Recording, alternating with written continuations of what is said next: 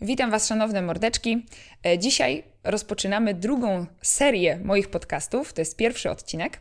E, jest to druga seria, ponieważ mm, w moim życiu zdarzyły się takie rzeczy, których się totalnie nie spodziewałam, które mnie po prostu zaskoczyły i spadły nam jak z grom, grom z jasnego nieba i sprawiły, że mm, w mojej głowie nastąpiły pewne zmiany i odkryłam w sobie nową siebie.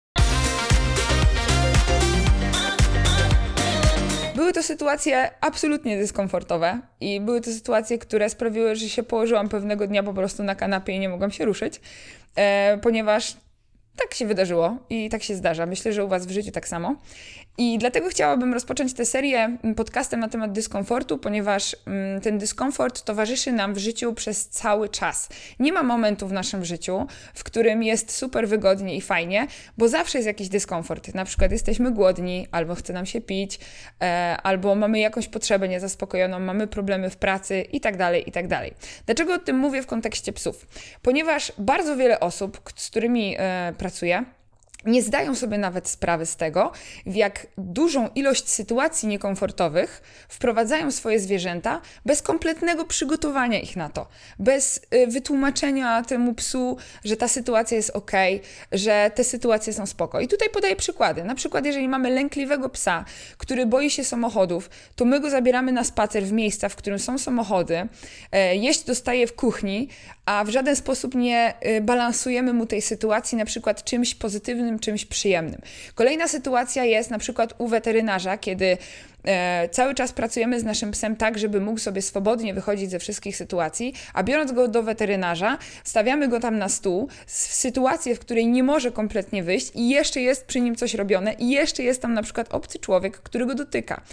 I w tym momencie nasze zwierzę dostaje często ataku paniki, często do nas weterynarze y, dzwonią, y, że wysyłają do nas psy E, na szkolenie, ponieważ pies nie daje się kompletnie zbadać, nie daje sobie zrobić zastrzyku. Jest to ogromny stres dla takiego zwierzęcia. Organizm wtedy wytwarza maksymalną ilość kortyzolu. Wtedy potrzeba bardzo, bardzo dużo pozytywnych rzeczy, żeby ten kortyzol po prostu zbalansować i żeby to zwierzę poczuło się lepiej, żeby poczuło ulgę.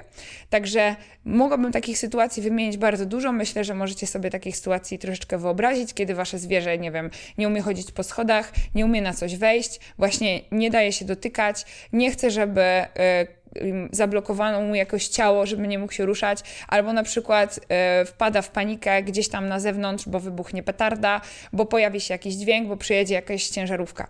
I w tym momencie pojawia się bardzo dużo dyskomfortu, czyli y, sytuacji, które sprawiają, że się po prostu zwierzę stresuje. No u nas w życiu jest podobnie, tak? Dlatego w momencie, w którym takie rzeczy się dzieją, powinniśmy być i my, i zwierzęta przygotowani na tę sytuację i choć troszeczkę do tego się wcześniej przygotować na takiej zasadzie, żeby, e, mówię tutaj w kontekście zwierząt, żeby to zwierzę wiedziało, że coś takiego go czeka. Jeżeli nie będziemy nad tym pracować wcześniej, jeżeli nie będziemy w to, tego zwierzęcia powolutku wprowadzać w takie sytuacje, chociażby przypinanie smyczy jest często dla psów e, problemem. Przychodzicie do mnie na plac i psy w momencie, w którym zakładacie im e, obroże, na obroże przypinacie im smycz, to one na przykład dopadają do ziemi, bo nie są kompletnie tego nauczone i jest to dla nich sytuacja niekomfortowa. I teraz chciałabym tutaj Wam e, podać definicję w ogóle, czym jest dyskomfort, bo zasięgnęłam tutaj internetu, żeby, e, żeby Wam to przeczytać. Dyskomfort jest to uczucie psychicznej lub fizycznej niewygody, tak?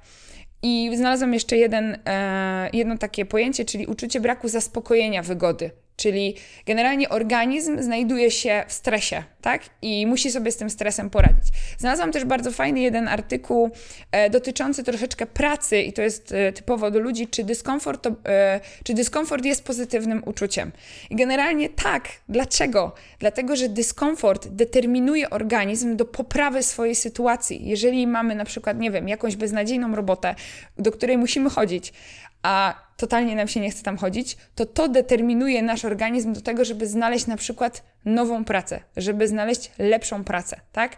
Jeżeli e, mamy na przykład trening, nie wiem, czy ktoś z Was trenuje, ale zapytałam moją koleżankę, która jest, e, Aniu, pozdrawiam Cię serdecznie, e, trenerem crossfitu i zapytałam, czy jest w ogóle możliwość, żeby wykonać jakikolwiek trening bez stresu.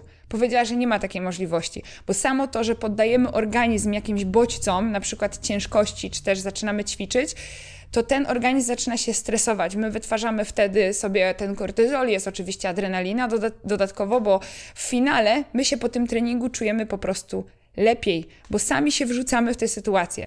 I teraz, jeżeli chodzi o nasze psy, to jednym z najważniejszych właśnie elementów pracy z naszymi psami jest to, żeby powoli, stopniowo przyzwyczajać je do tego dyskomfortu, który jest w życiu, bo życie jest chujowe i bardzo często nas zaskakuje, bardzo często nas wprowadza w sytuacje, w których kompletnie nie potrafimy się odnaleźć. I nasze zwierzęta mają tak samo, powiedziałam o tym na początku, ile tych sytuacji jest. Wczoraj byli właśnie u mnie Państwo z jedną suką, która generalnie boi się ludzi, bo tam jakieś dziecko ją wystraszyło i ten moment, w którym to dziecko ją wystraszyło i tam nie było żadnego pozytywu dla tego psa, sprawił, że ona się zaczęła zamykać na ludzi i w tym momencie, kiedy ona wychodzi w ogóle z domu, to cały czas obserwuje, czy jakiś człowiek się nie pojawi w jej gdzieś tam zasięgu wzroku.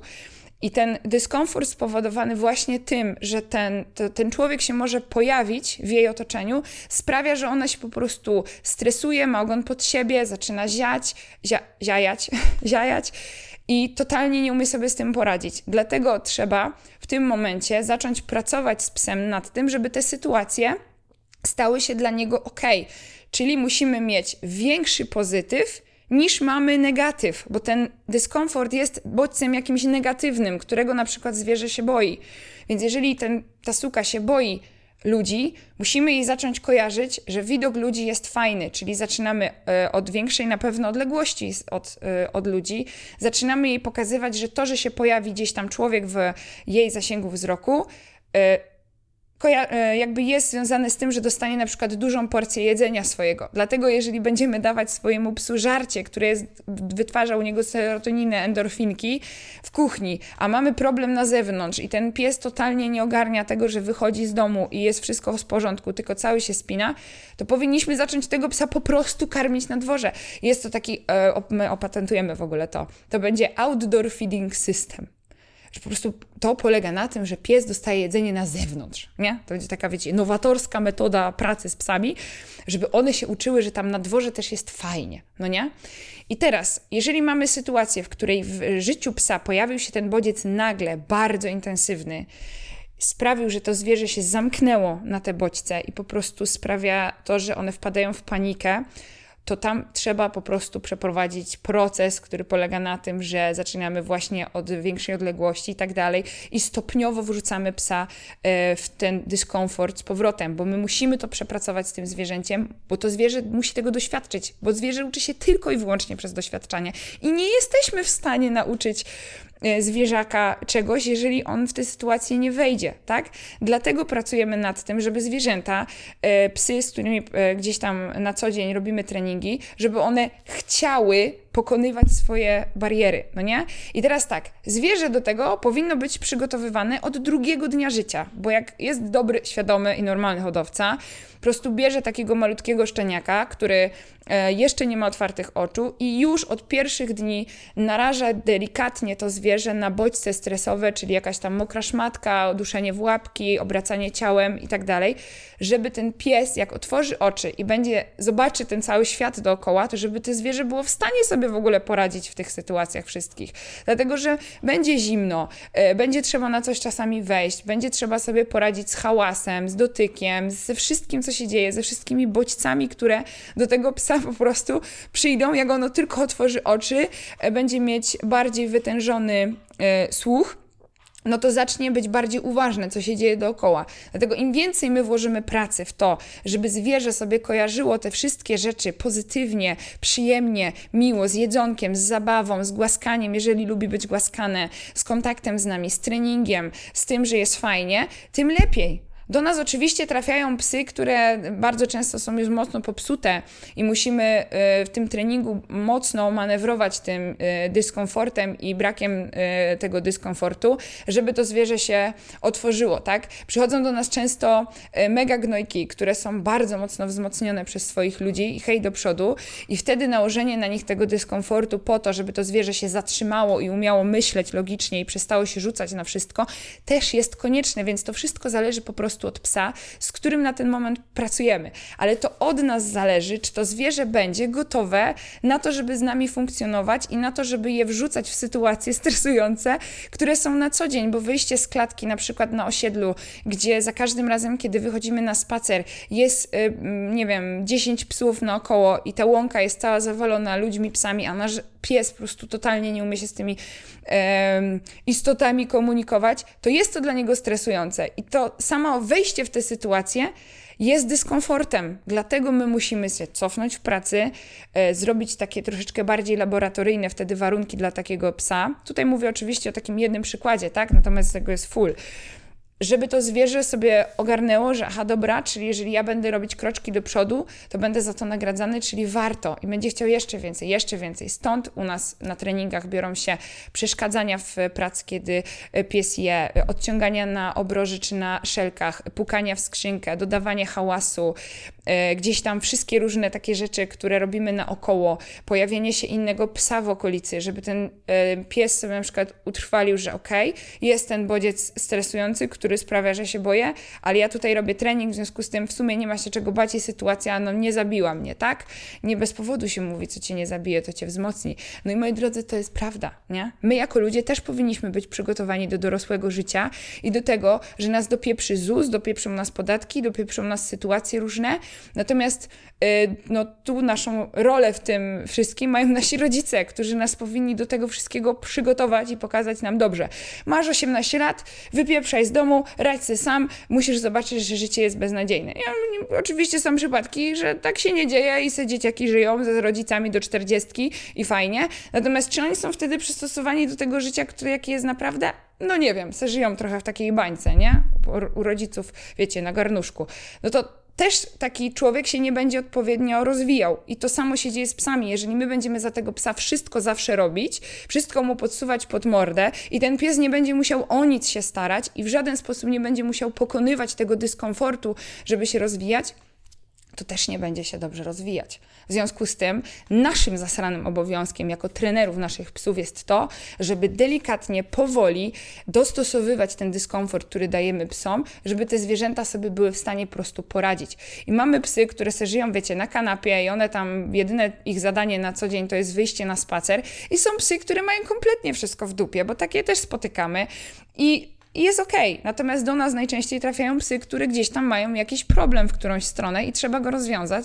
Dlatego też wtedy zaczynamy pracować w taki sposób, żeby ten dyskomfort, który nakładamy, mimo jakby y, on, on się pojawi, dlatego że jeżeli pies się boi ludzi, to pojawienie się człowieka jest dla niego niekomfortowe.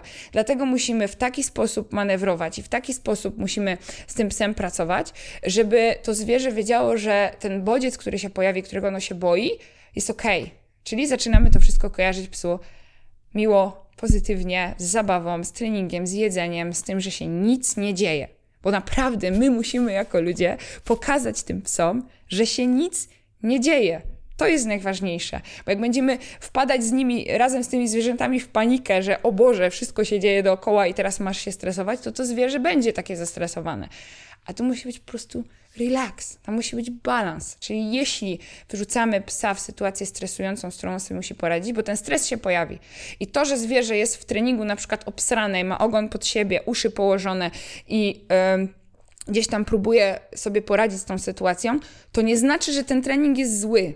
Tam jakby to nie jest tak, że w każdym treningu pies będzie miał kitę w górze i będzie się cieszył, nie? Bo też się spotkałam ostatnio z takim stwierdzeniem, że pies to powinien się przez cały trening cieszyć. Sobie myślę, kurwa, jak się powinien przez cały trening cieszyć? Jeżeli jakiś bodziec go stresuje, to na początku jest tak, że to zwierzę wcale nie będzie się cieszyć z tego, że to się pojawia, ale po kilku treningach i wprowadzeniu tego bodźca delikatnie, tego bodźca stresogennego delikatnie w życie tego psa, ten pies zaczyna wtedy się luzować i mówić: Aha, czyli mamy taką sytuację, że to mnie nie zabiło w żaden sposób, to mnie nie chce zjeść, tak? Tylko ja muszę sobie po prostu tutaj siedzieć i patrzeć. Chociażby trening nic nie robienia jest takim bardzo fajnym treningiem, który bardzo często jest e, związany z dyskomfortem, bo pies bardzo chce biegać, a nie może W związku z tym to już jest dla niego stresująca sytuacja, ale nie jesteśmy w stanie tego psa nauczyć tego nic nie robienia i siedzenia na dupie w pierwszym treningu, drugim czy piątym. To dopiero pojawia się z czasem. Jak mamy na przykład takie psy, które u nas siedzą po kilka tygodni, to widzimy ten proces otwierania się tego zwierzęcia. Mieliśmy super dzisiaj trening z taką jedną suczką, która u nas jest dwa tygodnie, dwa tygodnie i dwa dni. I ona nie była w stanie wyjść z klatki przez pierwsze dni. Totalnie była tak wystraszona. Dzisiaj sama podeszła do psa go powąchać i była w stanie jeść przy tym psie i się cieszyła w ogóle na trening z Olą, a ja sobie chodziłam dookoła z innym psem i ona miała totalny luz, w ogóle nie szczekała. Oczywiście musieliśmy zbudować temu psu trening, musieliśmy użyć odpowiednich narzędzi i tak dalej, ale da się to zrobić i to jest zajebiste. Powiem Wam, że nawet ta sytuacja, w której jestem teraz, w której do Was mówię o tym, sprawia, że jestem delikatnie podstresowana taka i to jest super, bo cieszę się, że będę mogła w finale Wam przekazać jakąś wiedzę, którą zdobywałam przez lata, i żebyście mogli sobie na przykład sami przełożyć e, życie z waszymi psami, e, jakby troszeczkę sprawdzić, czy, czy to, co mówię, jest, to, czy to ma sens. Bo się właśnie zastanawiam ostatnio, czy to wszystko ma sens. Ale dla mnie ma ogromny, dlatego że my jako ludzie musimy być odważni. I tutaj Wam chciałam polecić zarąbiste na Netflixie e, taki, taką prelekcję. E, wrzucałam to ostatnio na Instagram. E, Brené Brown ona mówi o odwadze i ona mówi tam o takim, wiecie, że my jako ludzie musimy być odważni w życiu i to jest zajebiste, jak jesteśmy odważni, bo my wrzucamy się też w sytuacje stresujące, jak chcemy zdać jakiś egzamin, jak chcemy się rozwinąć, to zawsze towarzyszy nam stres i dyskomfort w tym, ale finał jest taki, że my to zrobimy. W naszym kraju to chyba największym stresem teraz, e, gdybym jako kobieta musiałabym powiedzieć, że to jest zajście w ciążę, nie?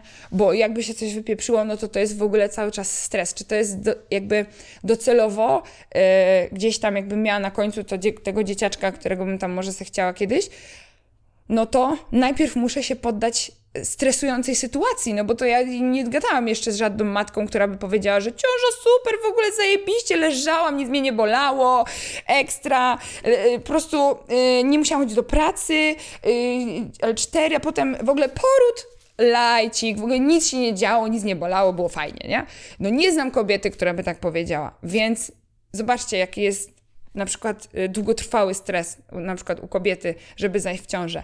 Y, jeżeli chcemy gdzieś tam, nie wiem, powiedzieć rodzicom, że jesteśmy homoseksualistami, to też jest dla wielu osób bardzo duży stres. Ludzie się do tego przygotowują latami, żeby poczuć ulgę, że mogą coś powiedzieć.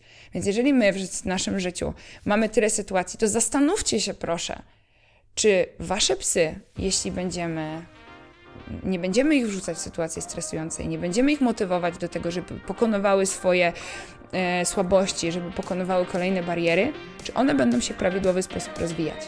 Także moi drodzy, z tym Was zostawiam. Odwagi.